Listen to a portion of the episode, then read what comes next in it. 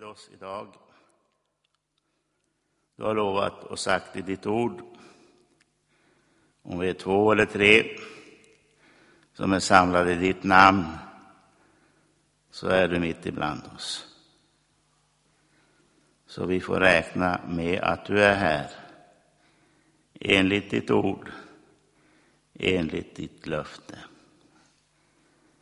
Tack för att du är densamme idag, som när du vandrade omkring gjorde väl och hjälpte alla där nere i Judeens land. Tack för att du har givit oss ett löfte att du ska komma tillbaka. Att du ska komma tillbaka till den här jorden, du ska komma tillbaka till ditt land. Du ska komma tillbaka för att hämta oss, Herre, så att vi får vara tillsammans med dig och regera med dig på jorden i tusen år. Vi prisar dig, Herre, för alla dina löften. Vi lovar dig, Herre, för att vi får se bort ifrån våra mänskliga begränsningar och med mänskliga brister, Herre, och se på dig och se på dina löften och se vad du har lovat oss, Herre. Tack för att du ska komma tillbaka. Tack för att du är här. Genom din Ande. Ärat vara ditt namn. Amen.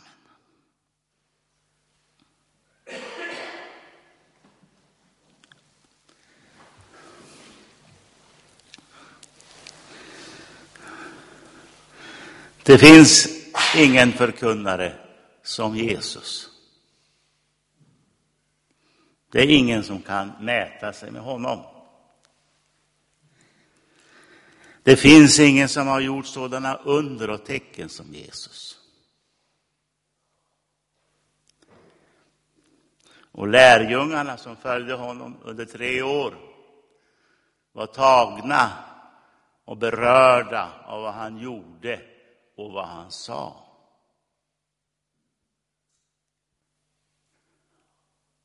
Vem är denne, sa lärjungarna, som befaller vindarna och vågorna att lyda honom? Vem är han som predikar med makt och myndighet och inte som de skriftlärde, inte som fariseerna? Så lärjungarna var väldigt berörda utav vad Jesus gjorde och vad Jesus sa. Men det var faktiskt någonting mer som berörde dem ännu djupare. Och det var Jesu böneliv.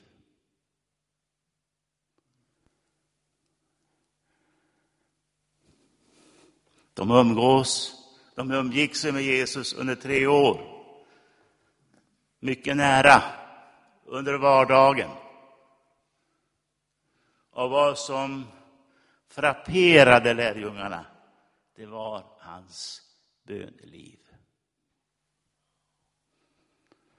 Han drog sig undan offentligheten för att bedja, för att söka Herren. Inför viktiga beslut som han hade att göra så tillbringade han nätter i bön.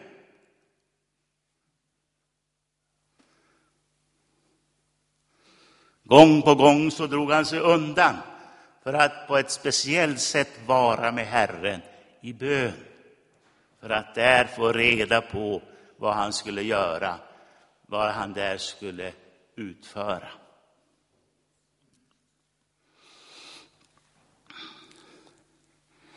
Och när de såg detta böneliv hos Jesus så där väcktes det en önskan hos lärjungarna. Herre, lär oss att bedja.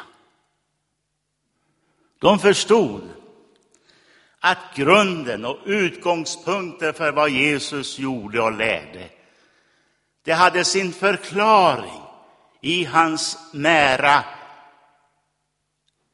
samarbete med sin far.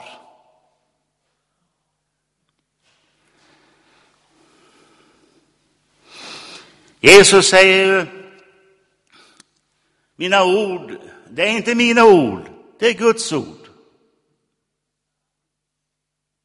Mina gärningar, säger han, det är inte mina gärningar, utan det är Guds gärningar.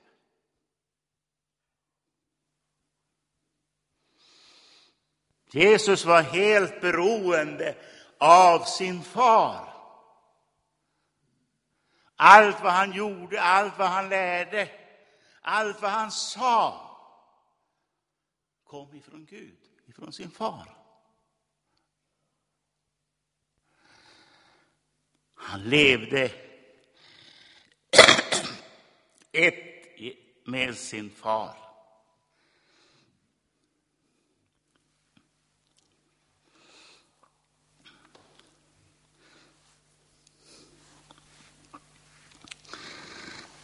Och det är det som Jesus önskar med oss. Att vi ska leva ett med vår far. Det är absolut nödvändigt att leva i en nära förbindelse med Gud, med Jesus, för att man ska kunna utföra någonting i Guds rike.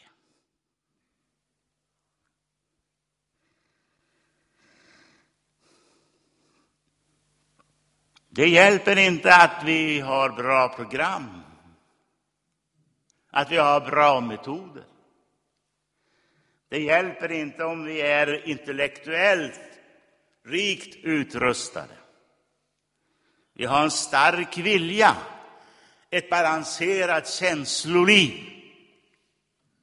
Så kan det inte ersätta närheten och enheten med Gud och med Jesus Kristus. Även om du har rätt kunskap, rätt teologi, så kan du inte göra så mycket om du inte lever i denna enhet med Gud.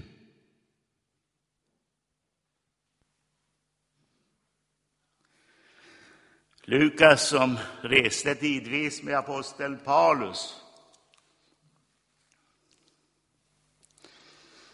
Han säger om Paulus att Gud gjorde genom Paulus kraftgärningar av icke vanligt slag.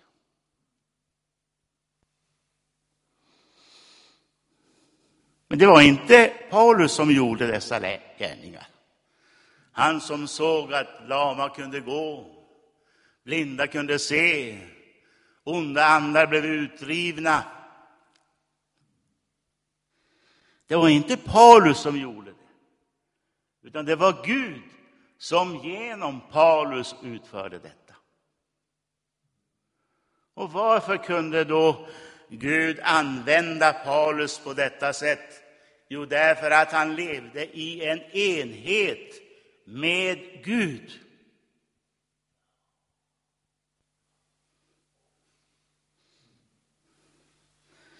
Ja, men säger du, han var utvald sedan moderlivet att bli en Herrens tjänare. Han var av Gud utsedd till att bli en apostel. Ja, det är riktigt. Men han kunde aldrig ha kunnat fullfölja denna kallelse och denna uppgift om han inte har levat i denna enhet med Gud. Vi är inte kallade kanske till att vara apostlar. Men vi har en kallelse, olika kallelser, olika uppgifter ifrån Gud, även om vi lever ett vanligt Svenssonliv. Men Gud har förutberett gärningar i vilka vi ska vandra i. Och för att kunna göra detta så måste vi leva i en enhet, i en endräkt med Gud.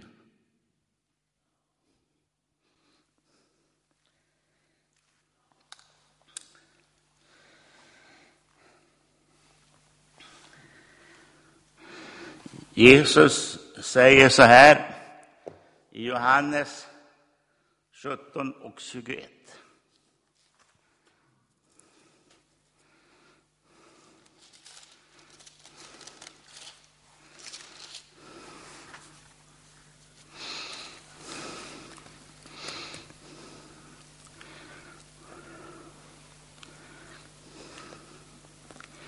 Vi kan börja med den tjugonde versen i Johannes 17. Och där ber alltså Gud, Jesus till sin far.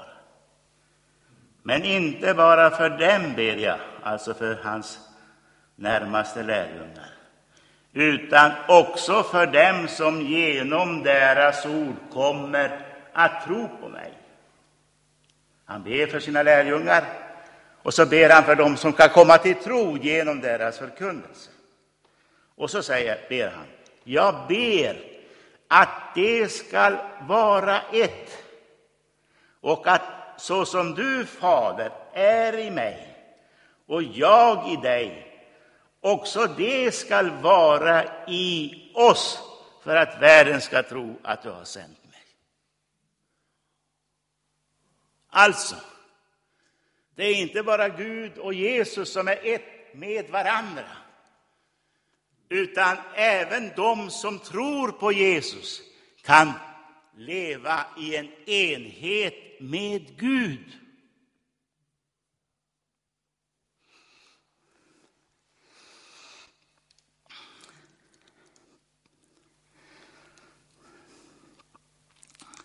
Och det är detta som är så viktigt. Vi kan inte frikoppla oss ifrån Gud för att vi ska kunna göra någonting.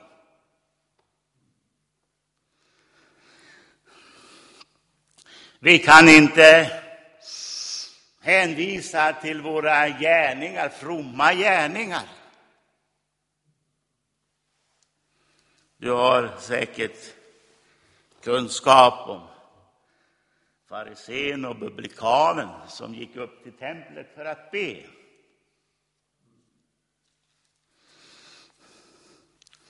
Och i sin bön så refererade den skriftlärde till sina fromma gärningar.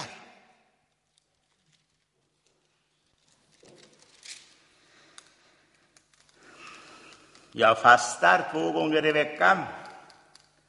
Jag ger tionde av allt jag tjänar. Han ansåg sig själv i sina egna ögon vara en mycket rättfärdig man.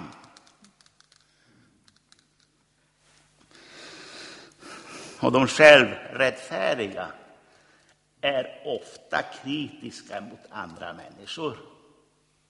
Ser ner på andra människor och tycker sig vara så mycket bättre än andra människor.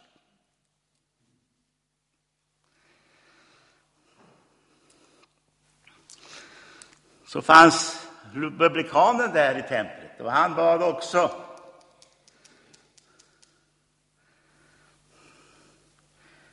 Gud var nådig mot mig syndare. Och Jesus säger att publikanen, han var mer rättfärdig än farisén. Varför? Därför att han förtröstade på Guds nåd. Farisén, han förtröstade på sina egna gärningar, på sin egen förmåga.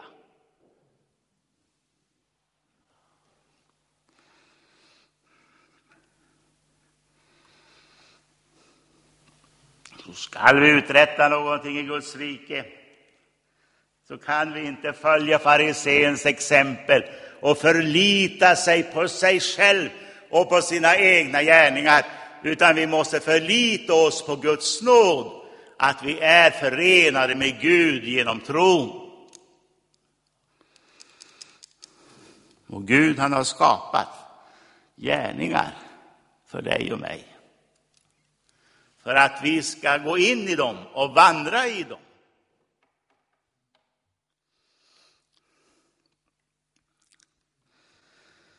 Så vi kan inte sätta igång med något eget projekt.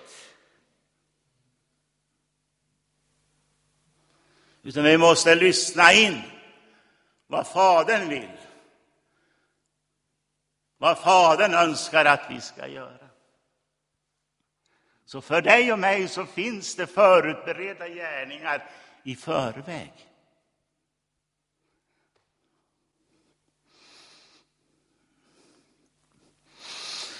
Och hur kom då Jesus in i denna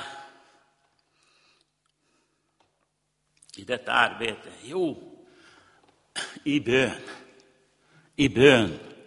I bön så fick han klart och tydligt se vad Gud ville att han skulle göra, var han skulle gå.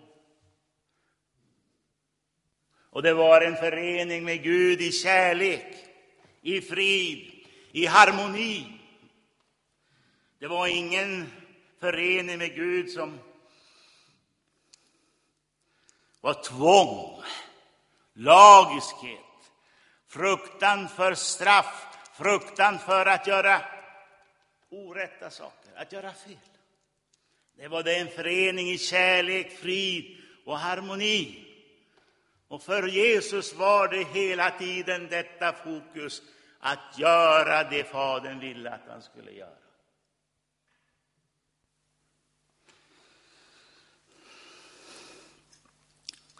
Vid ett tillfälle så till exempel så frågade hans bröder, ska du inte gå ner till Jerusalem och där visa vad du kan? Vid högtiden. Du kan ju inte bli känd genom att hålla dig undan. Du måste visa det öppet och offentligt. Så sa hans bröder Simon, Judas, Jakob och Joses. Alltså Jesus fysiska bröder. Så för mig är det ju en gåta att katolska kyrkan kan säga att Maria är en evig jungfru. Det går ju inte ihop. Jesus hade ju bröder och systrar. Och Jesus sa då på deras fråga, nej, jag går inte dit. Jag går inte dit. Så lärjungarna, nej, bröderna for ner. Men plötsligt så gick också Jesus ned till Jerusalem. Och man kan ju fråga sig varför gör det Jesus det nu? Är han inte lite ologisk? Vet han inte vad han vill? Jo, jag tror helt enkelt det att han gick inte till Jerusalem förrän att han hade fått klartecken från Gud att nu skulle han gå ner. Han gick inte ett steg utanför Gud. Hans mat det var att göra Guds vilja. När lärjungarna kom till tillbaka till Jesus efter att de hade köpt mat, de hade varit ute och gått länge och var trötta, och lärjungarna gick in i staden, Sykar, för att hämta mat, så kom de tillbaka till brunnen där Jesus samtalade med den samaritiska kvinnan. Och Jesus kunde genom detta samtal leda denna människa till Guds rike. Och då sa Jesus till dem, jag har redan fått mat. Och vad var det för mat han hade fått? Jo, det var att göra Guds vilja. Det var hans fokus. Att leva till Guds behag.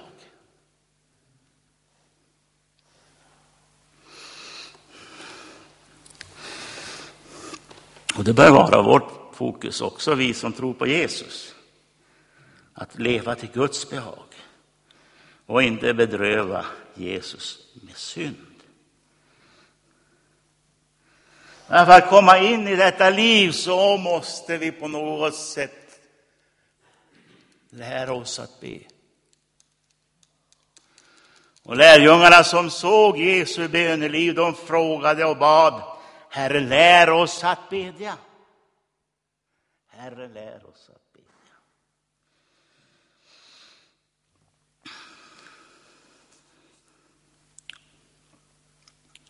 Och Jesus han svarar bland annat med en liknelse här i Lukas 11.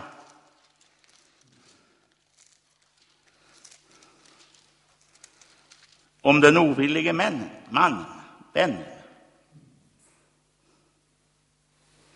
Om någon av er har en vän som går till honom mitt i natten och säger Käre vän, låna mig tre bröd.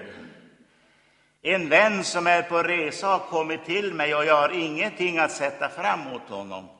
Vem av er skulle då inifrån huset få till svar Låt mig vara i fred, dörren är redan stängd och mina barn och jag har gått och lagt oss. Jag kan inte stiga upp och ge dig något.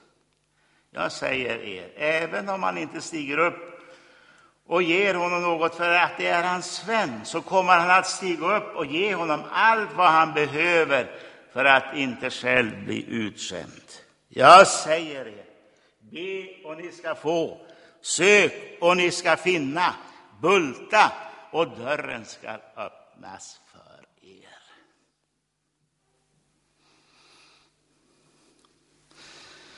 Om man läser den här liknelsen lite slarvigt så kan man nästan få den uppfattningen att Gud, han är som den här ovillige mannen, den här ovillige vännen.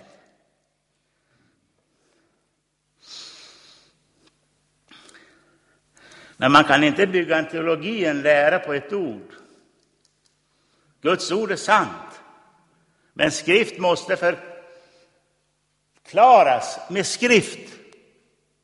Och det är summan av Guds ord som är sant. Och när vi läser om den här ovillige vännen så kan det inte vara en bild på Gud. Gud är helt annorlunda den här mannen. Han är mannens kontrast. Gud är generös och Gud vill ge det vi ber om.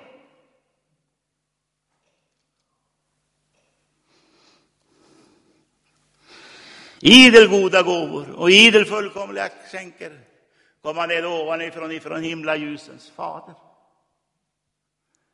Och Jesus lovar och säger här, be och ni ska få, Sök och ni ska finna, bulta och dörren ska öppnas för er.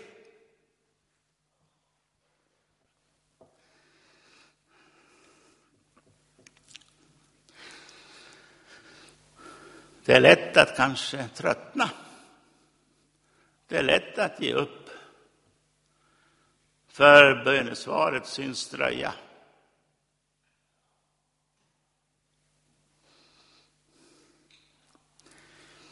Det är ingen mening att be, det är ingen mening att söka Herren. För det händer ingenting. Och händer det någonting så är det någonting som är motsatsen till vad man ber om.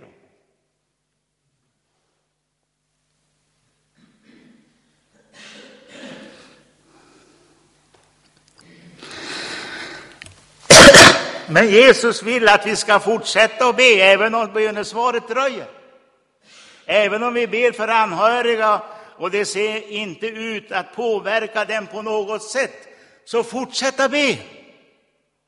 Du kanske inte ser bönesvaret under din egen livstid, men fortsätt att be. Därför att dina gärningar följer efter dig sedan du har kommit till himlen.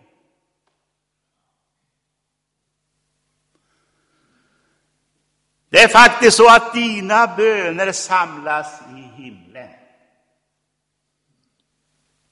De samlas i böneskålar.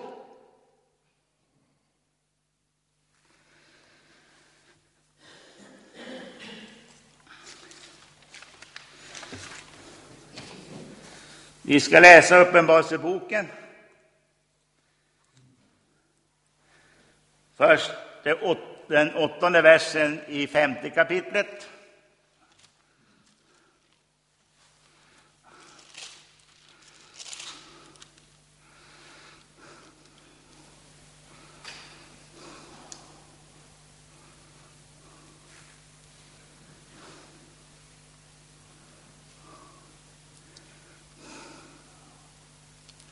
Där står det om de fyra väsenda och de 24 äldste som föll ner inför Lammet.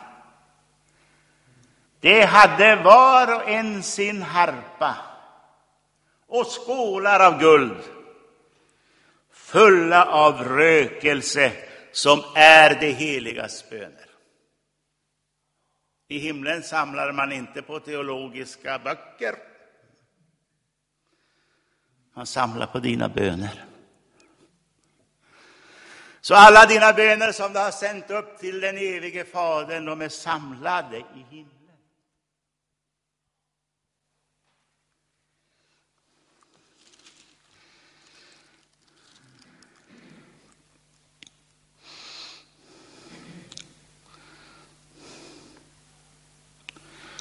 I Uppenbarelsebokens åttonde kapitel och röken från rökelsen tillsammans med det heligas böner steg från ängelns and upp inför Gud.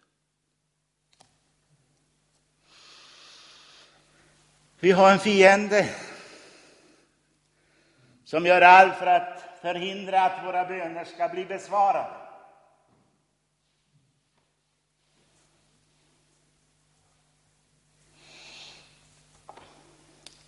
Bönesvaret kan dröja på grund av människors motstånd, på grund av ondskans andemakter i himlarymderna. Men var viss om att dina böner når till det himmelska landet och dina böner sparas i det himmelska landet. Vi har ett exempel, till exempel ifrån Apostlagärningarna 10 om den italienske officeren som var from och fruktade Gud. Alltså, han var en man som hade övergått till den judiska tron, till den gammaltestamentliga tron. Han var from och fruktade Gud. Och han bad alltid till Gud, står det. Han bad alltid till Gud. En dag omkring nionde timmen såg han tydligt i en syn hur en Guds ängel kom in till honom och sa Cornelius. Han stirrade förskräckt på ängeln och frågade vad är det, Herre? Ängeln sa dina böner och dina gåvor har stigit upp till Gud som ett offer han kommer ihåg. Och det gäller nog inte bara Cornelius. Det gäller också dig. Det gäller också mig. Att bönerna som jag har sänt upp till Gud är någonting som Gud kommer ihåg.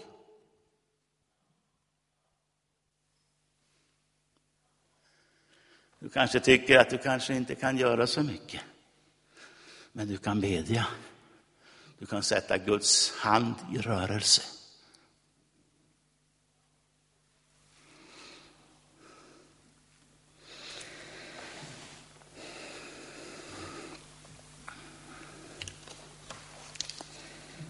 Hur är det? Kan det bli väckelse i Sverige?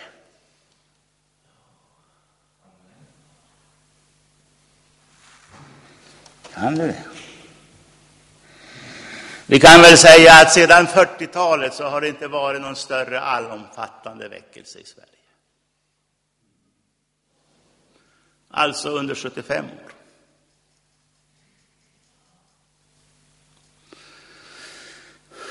Kan det bli väckelse? Ja, jag tror att en av anledningarna att det kan bli väckelse i Sverige, det beror på att det finns bedjare som ber för Sverige. Som inte har tröttnat, som inte har givit upp, utan som har sökt Gud år efter år, decennier efter decennier.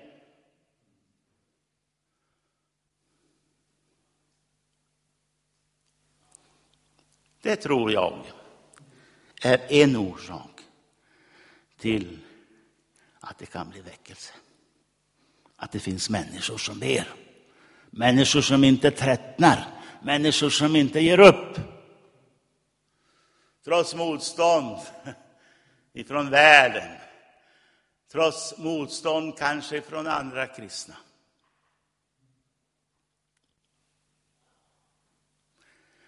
Kan det bli väckelse i Sverige? Ja, det finns en annan faktor som jag finner i liknelsen om den förlorade sonen. Vi vet ju att den förlorade sonen, han tog ut arvet. Och enligt Mellanösterns sedvänja så kunde man ta ut arvet medan föräldrarna levde. Han tog ut arvet, for till ett främmande land. Han använde inte pengarna för att investera i byggnader och någonting annat som kunde ge resultat i längden. Nej, han använde pengarna för att leva ett liv i sus och dus.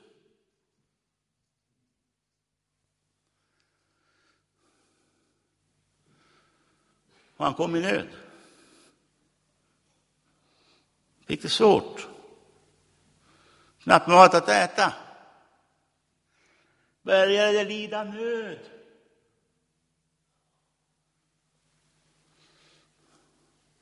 Och då började han tänka på sin far. Han började tänka på att tjänarna hade bättre än vad han hade.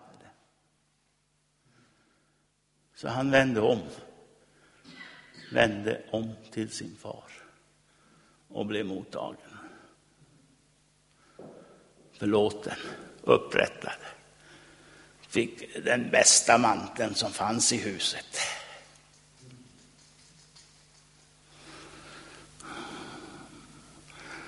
Hur är det med Sverige? vårt land, vårt folk. Jo, vi har liksom den förlorade sonen slösat bort det kristna arvet.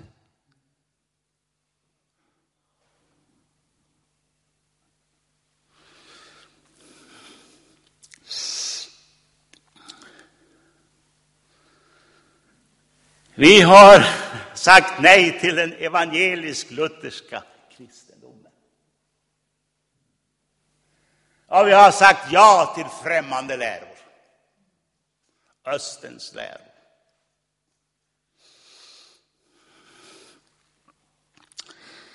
Jag har varit på semester tillsammans med en familj på Gotland och de har en flicka som har gått första klass, ska börja andra klass nu i höst. Och vet ni vad hon har fått lära sig? Har hon fått lära sig någonting om Gud och Jesus? Absolut inte. Men däremot så kunde hon namnet på de grekiska gudarna. Zeus, Apollon, Athena. Hon kunde namnen på asagudarna, Tor och Oden. Och Odens korpar. Men hon fick inte lära sig någonting om Jesus och om Gud i sin klass.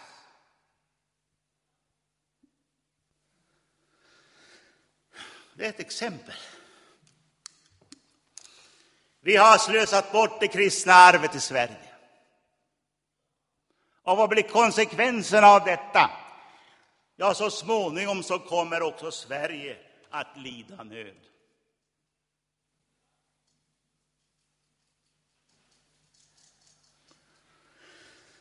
Men då hoppas man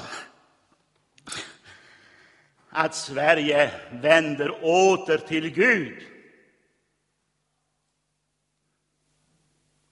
Och att det finns kristna som kan vittna om den frälsning och den försoning och den förlåtelse som finns i Kristus Jesus.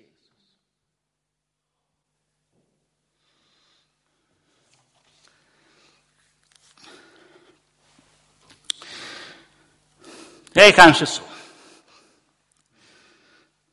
Jag pratade med Hilbert Wassberg. ni kanske känner honom sen gammalt, han är död nu.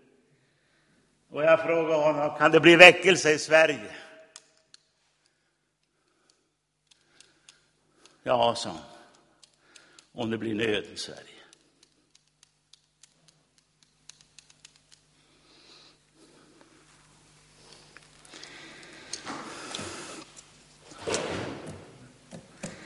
Så min vän, tröttna inte att be. Tröttna inte att be för dina anhöriga, tröttna inte att be för Sverige.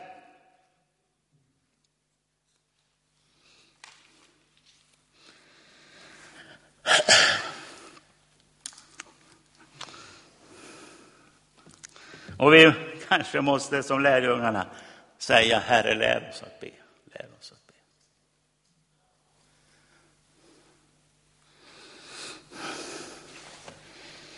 Och vi kanske behöver undervisning där, som på så många andra områden.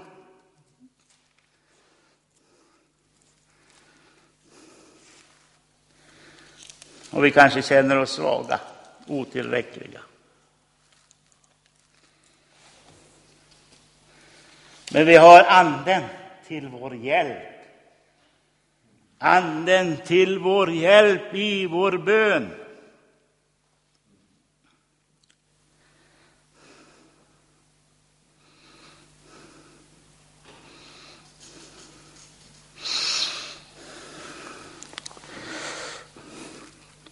Paulus han berömde sig av sin svaghet. Han berömde sig inte av sin styrka. Varför berömde han sig av sin svaghet? Jo, då visste han att då kunde Guds kraft komma.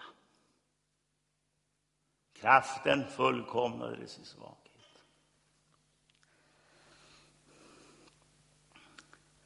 När vi är starka i oss själva och tror oss kunna göra så mycket, då kanske inte Guds ande är där.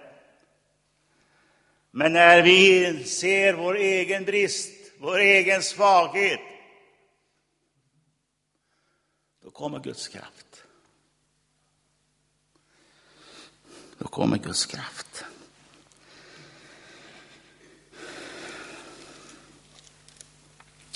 Och anden han vill hjälpa oss, vi som är svaga. Han vill bedja tillsammans med oss och lära oss.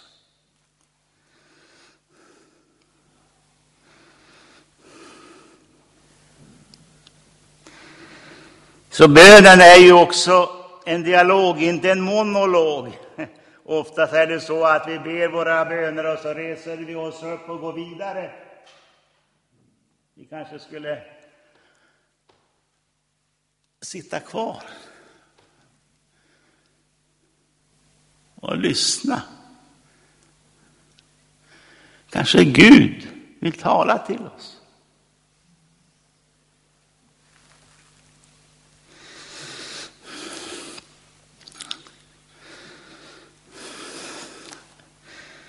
Det är inte så att jag vill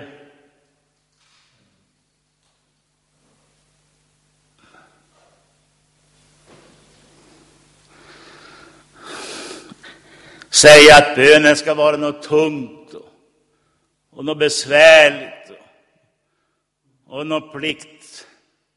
Nej. Känner du så, så bed inte den dagen.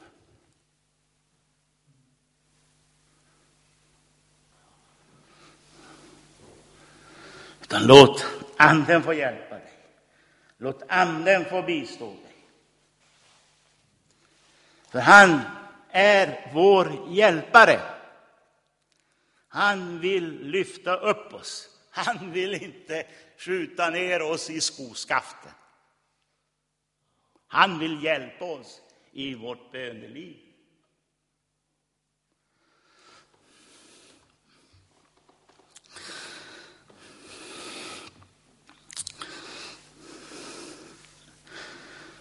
Så jag hoppas inte att jag har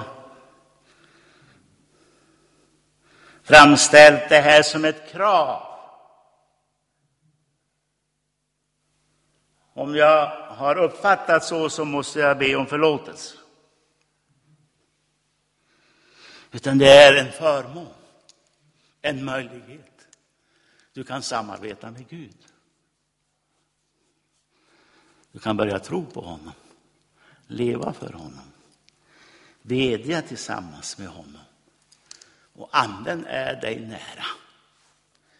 Gud och Jesus, de sitter på tronen där ovan. Men anden, han är här. Han är nära. Tröttna inte, ge inte upp. Fortsätta be. Be för Sverige. Be för dina anhöriga.